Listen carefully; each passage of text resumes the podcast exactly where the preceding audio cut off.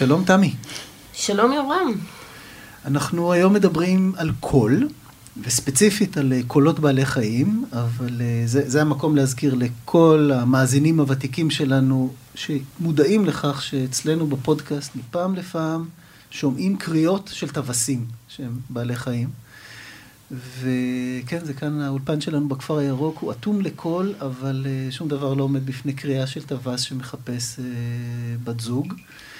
Uh, אז באמת uh, נשמע קצת יותר על uh, קולות בעלי חיים מקולגה שלנו, uh, פרופסור ענת ברנע. ענת היא זואולוגית מהמחלקה למדעי הטבע והחיים באוניברסיטה הפתוחה.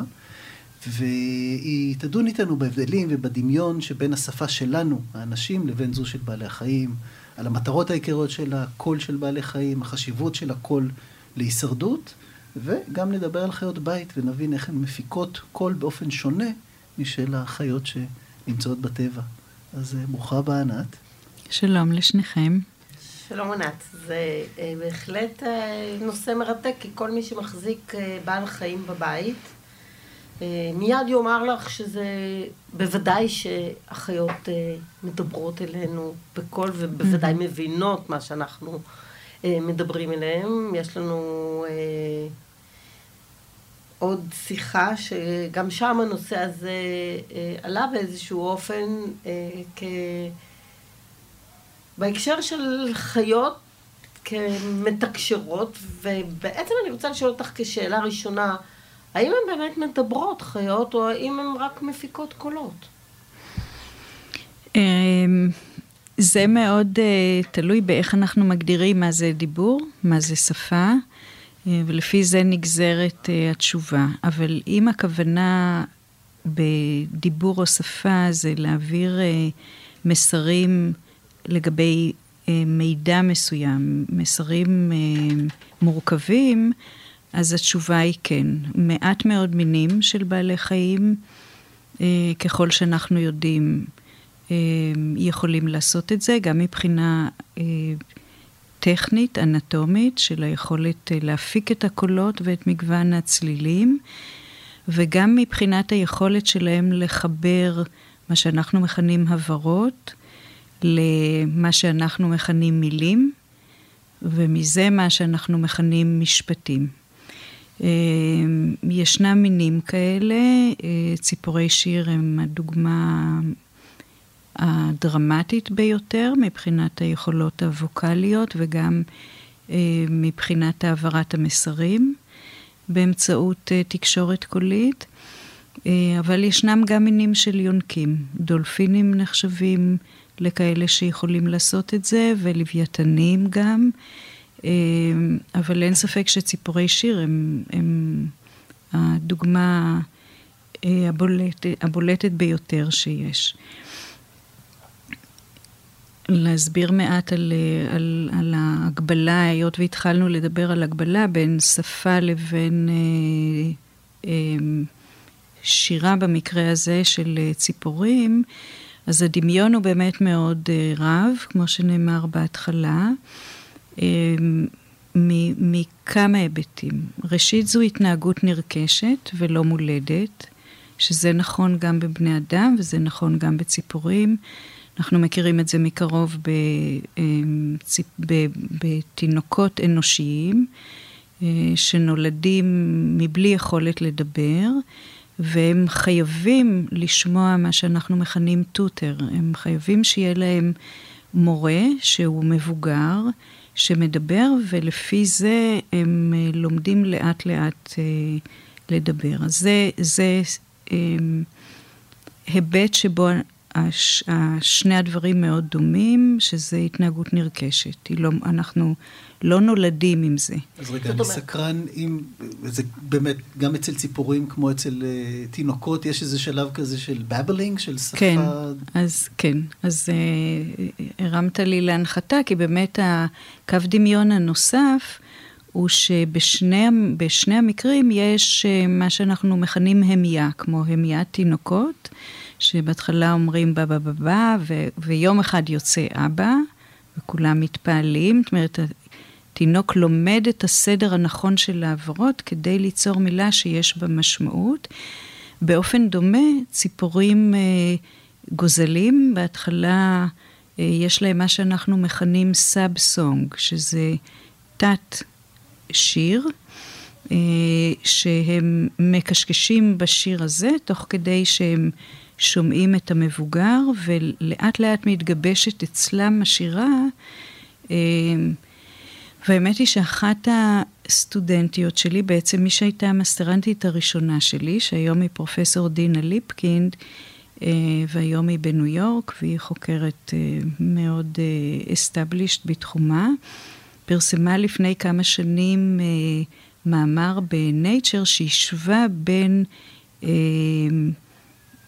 איך נעשית הקריסטליזציה, ההתגבשות של הדיבור בבני אדם, בהשוואה לשירה אצל ציפורים, והראתה איך ממגוון הברות שמושמע באופן אקראי, נוצר סדר מסוים שיוצק תוכן אל תוך המסר האודיטורי הזה. אם אה, כמו שנאמר, הכינותי מראש. אם אתם רוצים, אנחנו יכולים לשמוע שירה של אה, אה, שירת צעיר ושירת בוגר, אה, של מין של כנרית. כנרית, בטח הרבה אנשים מכירים. זו חיית מחמד מאוד נפוצה, בין היתר משום השירה שלה. בואו בוא נשמע את זה עכשיו. כן, את שירת הצעיר.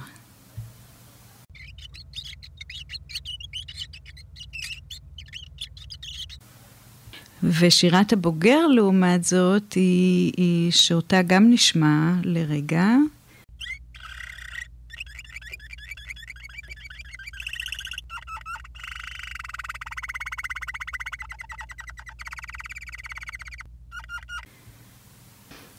ואפשר לשמוע את ההבדל הדרמטי בין אה, שירת צעיר לשירת בוגר, והתהליך הזה, תלוי במין, לוקח את הזמן שלו. קו, אם אני אחזור רגע להשוואה בין אה, שפה אנושית לשירה בציפורים, קו הדמיון הנוסף הוא שצריך אה, מורה, שאצל ציפורים זה בדרך כלל האבא שנמצא סביבם, אצל אה, תינוקות זה הסביבה הקרובה להם, והם חייבים, התינוקות וגם, וגם הגוזלים, לשמוע את עצמם. זאת אומרת, הם צריכים משוב אודיטורי. בהקשר ל... לה...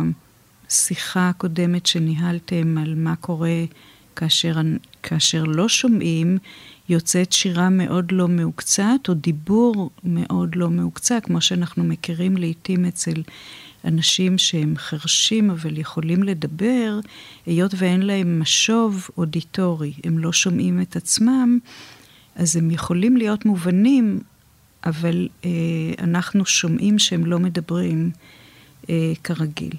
אז זה לגבי ההתפתחות של השירה והדיבור, אבל גם אם מסתכלים על אה, מנגנונים גנטיים, אה, ואפילו על גנים שמפקחים אצלנו על הדיבור, על היכולת לדבר, והגנים שמפקחים על היכולת של השירה בציפורי שיר זה בדיוק אותם גנים. זאת אומרת, גם ברמה, ברמת הגנים, אה, זה כנראה מנגנון מאוד שמור מבחינה אבולוציונית. אותם גנים מאפשרים לנו אה, לדבר, למשל, יש גן אחד שנחקר הרבה, שנקרא FOXP2, שהוא אחד הגנים העיקריים בתהליך של לימוד תקשורת קולית. אה, גם אצלנו וגם אצל ציפורים. זאת אומרת, זה גנים שמקדדים ל, ל, לחלבונים שנמצאים במוח. זה, זה גנים שנקראים uh, early genes, כאלה שמופעלים מיד בתחילת ההתנהגות, uh, והם אלה שגורמים למנגנונים עצביים שמביאים לייצור השירה אה, לצאת לפועל. מדהים. אם תיקחי ציפור מסוג מסוים וגוזל מסוג אחר, אה, הגוזל יחכה את הציוץ של הציפור מסוג אה, אחר? אז זו שאלה שנחקרה, שנחקרה רבות. אולי לפני שאני אענה עליה, אני רק נשמיע אה, עוד כמה שירים כדי להראות לכם את המגוון העצום שישנו שמראה למה השאלה שלך מורכבת, כי השירים במינים שונים הם כל כך שונים, ולכן זו שאלה לגיטימית של מה קורה אם עושים, עושים דברים כאלה. אז uh, אנחנו יכולים לשמוע למשל uh, שירת שחרור, שאני חושבת שהרבה מכירים, זה מין של ציפור שיר מאוד נפוצה בחורש הים תיכוני, גם בגינות עירוניות. אז בואו נשמע אותו.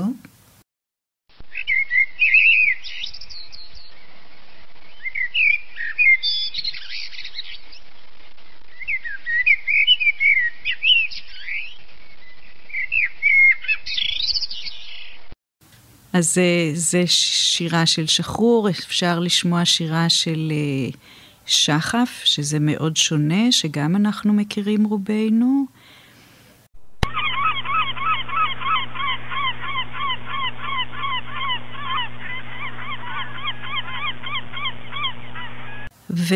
ואפשר לשמוע שירה של ינשוף למשל, של דורס לילה, אה, שהם לא מקבוצת ציפורי השיר, אבל יש להם אה, תקשורת קולית, ואפשר להתרשם כמה התקשורת שם הרבה יותר פשוטה מאשר בציפורי שיר.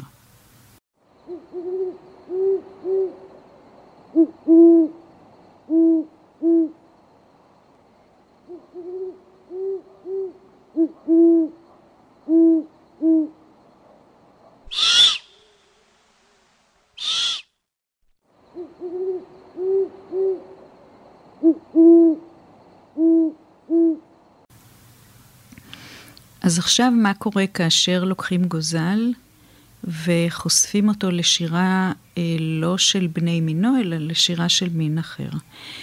אה, לפי מה שאנחנו יודעים היום, ציפור נולדת עם איזושהי תבנית בסיסית אה, במוחה של השירה הייחודית למין, שזה נקרא איזשהו template, יש לה במוח איזושהי תבנית ראשונית.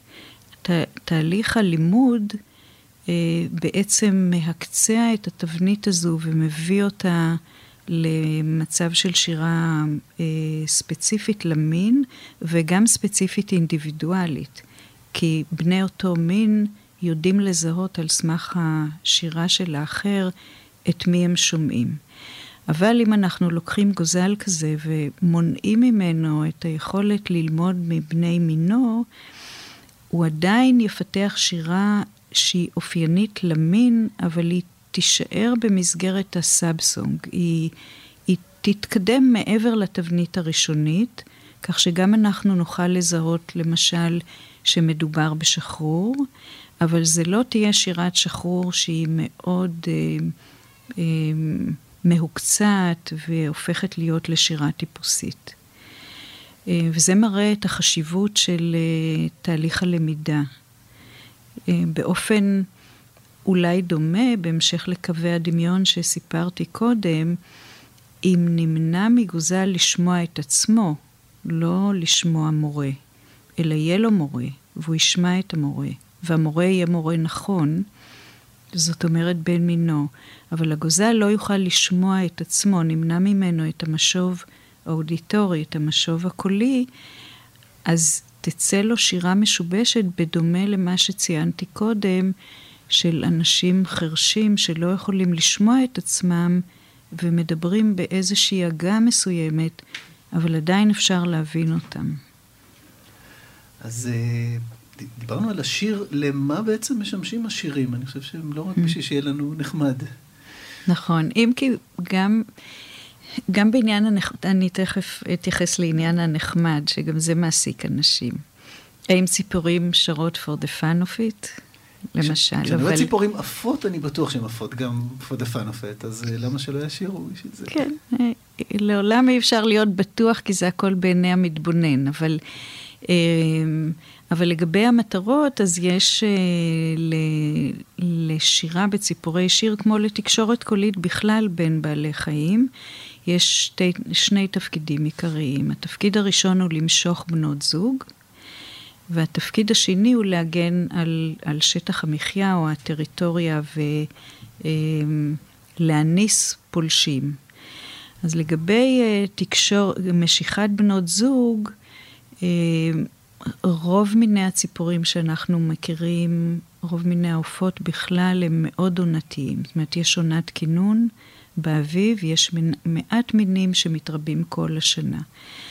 לקראת עונת הכינון, הזכרים uh, מתחילים לשיר בעמדות מסוימות בטריטוריה שלהם, ובזה הם משגרים מסר לסביבה שמטרתו כפולה. אחד, להודיע לנקבות, הנה אני פה, ושני, להודיע למתחרים, הנה אני פה, השטח הזה כבר תפוס. אז לגבי משיכת בנות זוג, אה, מינים של ציפורים שבהם, ואגב, שירה זה בדרך כלל התנהגות שאופיינית לזכרים. זאת אומרת, בתקשורת קולית יש שני סוגים אה, של קולות. אחד זה השירה, שהיא ייחודית לזכרים, והסוג השני זה תקשורת בתוך המין או בתוך הלהקה, וזה קולות הרבה יותר פשוטים מבחינת המורכבות שלהם. אז כאשר מגיעה עונת האביב, הזכרים מתחילים לשיר. הנקבות וגם הזכרים האחרים יודעים לזהות, וגם אנחנו במידה מסוימת, יודעים לזהות בכמה רובדים. קודם כל, האם זה בין מיני? זאת אומרת, האם מה שאני שומע זה שחרור או בולבול, לצורך הדוגמה הים תיכונית. כי אם זה שחרור ואני נקבה, אני שחרורה, אז אני אטה אוזן. אם זה בולבול, אני אתייחס לזה פחות. בתשומת לב. אז זו הרמה הראשונה של היכרות של, של המין. האם מי ששיגר את המידע הוא, הוא בן המין שלי. הרמה השנייה זה מי זה. האם זה בן זוגי משנה שעברה? האם זה השכן שאני כבר מכירה?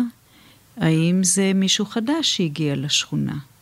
ובהתאם, הנקבות אה, קשובות וצריכות לקבל החלטה, אחרי שהם קלטו את המידע הזה, מה עושים עם המידע הזה.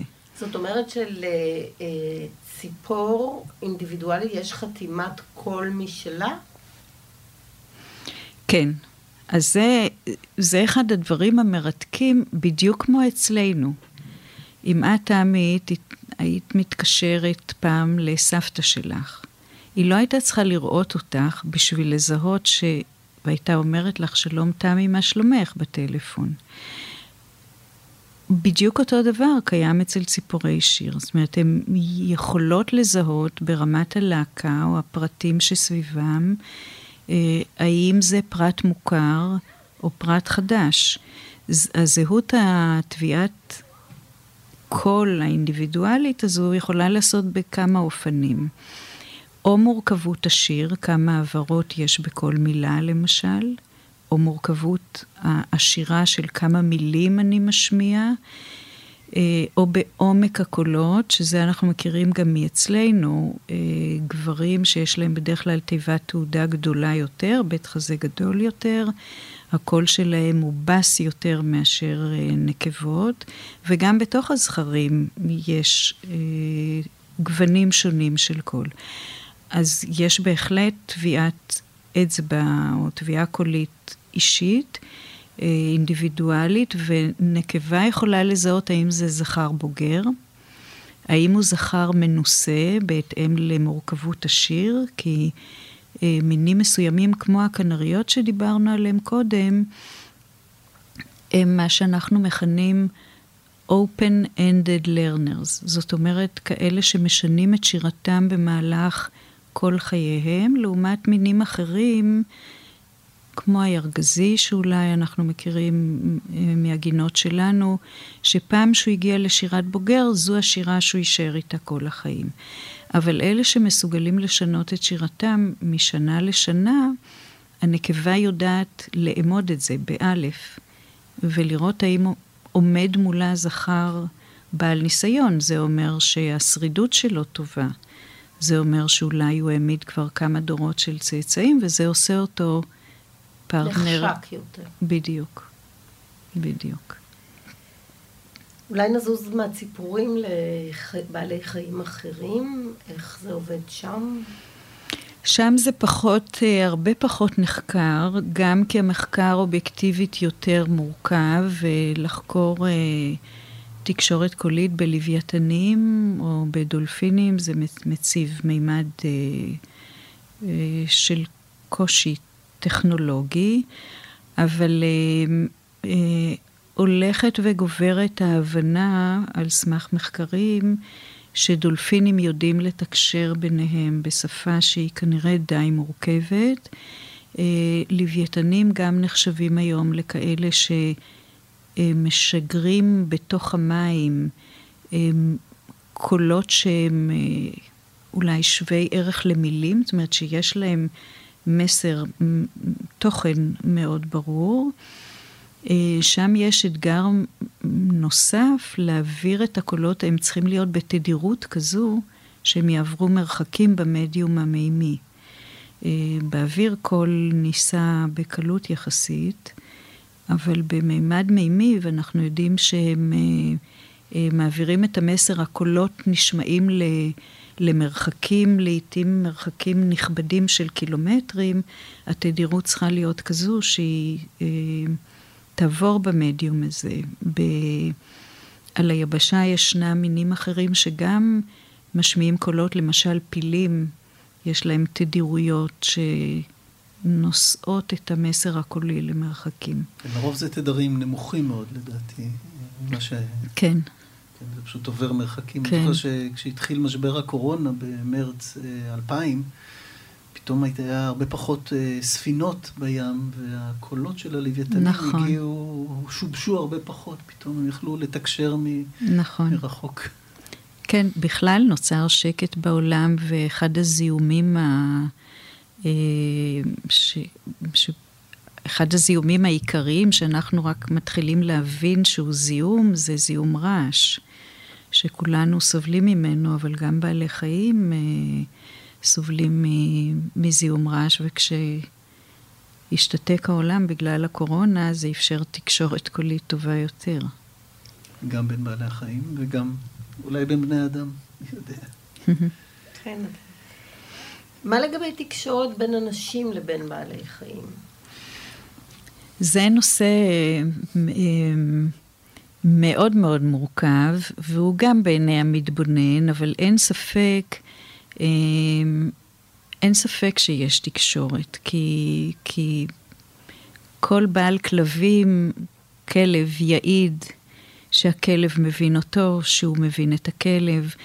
אז סביר להניח שזה מורכב מאוד לא רק מתקשורת אודיטורית, כמו תקשורת בינינו. אנחנו מתקשרים בינינו על סמך תקשורת קולית, על סמך תקשורת ויזואלית של הבעות, של שפת גוף, בין שאנחנו מודעים לזה, בין שאנחנו לא מודעים לזה, וגם על סמך תקשורת ריחית, שאנחנו לא תמיד מייחסים לה חשיבות, אבל uh, באופן בלתי מודע אין ספק שאנחנו מריחים אחד את השני ומגיבים בהתאם. Uh, בין בעלי חיים לבין... Uh, לבין בני אדם, אה, יש תקשורת גם שהיא מורכבת מכל ההיבטים האלה שקשה לפלח אותם. אה, אבל אנחנו כולנו יודעים מניסיוננו שלעיתים אה, יש לנו תחושה שהכלב מבין מה אנחנו אומרים, ולא רק במילה אחת. זה לא קום שב, אלא, וזה לא רק שהוא זוקף אוזניים שאנחנו אומרים את שמו, אלא שהוא מבין הרבה יותר מזה, ומאוד ייתכן שזה נכון. קשה לדעת על סמך מה המידע שלנו עובר לכלב, על סמך איזה חוש, אבל זה בוודאי תמהיל של כמה דברים, אבל יש דיווחים גם על מינים אחרים של בעלי חיים. אה, יש מקרים די איזוטריים, אני אפתח אולי נקודה אישית. אחת הנשים שהשפיעו באופן דרמטי על חיי המקצועיים, ואולי לא רק, הייתה פרופסור מרים רוטשילד, שנפטרה לפני כמה שנים, שהייתה זואולוגית, שאגב מעולם לא זכתה להשכלה פורמלית, אבל נעשתה פרופסורית באוניברסיטת קיימברידג'. אה, דודה היה דיר לורד רוטשילד, שבלפור שלח אליו את, המס, את המכתב, ו, והיא כתבה, אחד הספרים שהיא כתבה נקרא Dogs That Know When Their Owners Are Coming Home. אה, והיא נגעה בהיבטים האלה של תקשורת בין בני אדם לבין בעלי חיים. בספר ישנם לא רק כלבים, אלא גם אתון אחת שנקראה מטילדה, ואריה אחד אה, באפריקה, שבעליו עזבו לאירופה וחזרו אחרי כמה שנים, והוא חיכה להם בפתח הקמפ כשהם הגיעו. אה, ושם היא מתארת מקרים שהם לעיתים חוצים קצת את גבולת הדמיון, כי כנראה הדמיון שלנו מצומצם, ואנחנו פשוט לא יכולים להבין את כל דרכי התקשורת האלה. אבל זה שבעלי חיים אה, ובני אדם יכולים לתקשר ברמות לא מבוטלות, אה, אני חושבת, אין ספק, לא תמיד אנחנו יודעים לפרוט את זה לפרוטות מדעיות, אבל... ומה עם בעלי החיים שמדברים אלינו, התוכים, אה, יש סיפור על תוכי. כן, אז גם על זה יש uh, כר נרחב של דעות. Uh, אחת החוקרות המובילות בתחום שקצת נגענו בשיחה המקדימה לשיחה הזו, פרופסור איירין פפרגברג, שהיא חוקרת אמריקאית, היא בעצם פסיכולוגית. Uh, שחקרה הרבה מאוד את התקשורת, אה, כשמודל המחקר שלה היו תוכים, בעיקר אלכס, שהיה תוכי אחד שחי איתה עשרים שנה, אה, היא נסעה איתו לכל מקום, אה, ואיירין חקרה באמצעות אלכס, אם כי היו לה עוד כמה תוכים, את היכולת של התוכים אה, לדבר. היא טענה בתוקף, כשעוד רבים התנגדו לקונספט הזה, למרות שאחר כך היא נעשתה יותר מיינסטרים, אה, שאלכס לא רק יודע לחכות, כמו שאנחנו יודעים שתוכים יש להם כושר חקיינות מצוין, אלא שהוא גם מדבר. ופה זה מביא אותנו לרמה הפילוסופית קצת של איך אנחנו מגדירים שפה.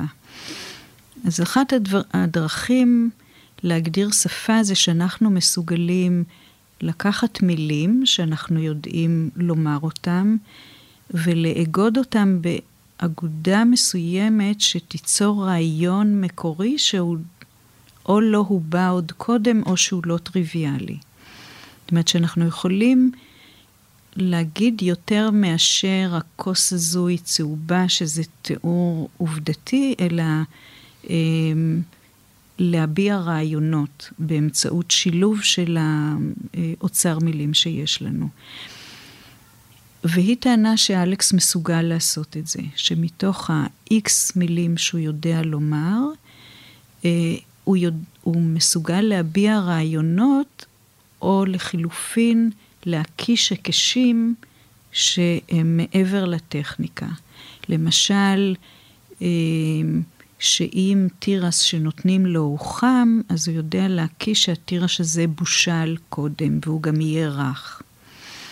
אה, כאמור, איירין פפרברג בהתחלה הייתה בעמדת מגננה, כי העולם המדעי שמתנהל לעיתים בסרבול מסוים ובהססנות שהיא טובה, אבל היא, היא לעיתים מכבידה על כאלה שמביעים רעיונות אחרים, אה, אבל אה, היא הראתה לא פעם עם אלכס, שהוא, שהם מנהלים שיחה שהיא מעבר ל... אה, תספור כמה קוביות יש על המגש ו- וכמה ריבועים יש על המגש.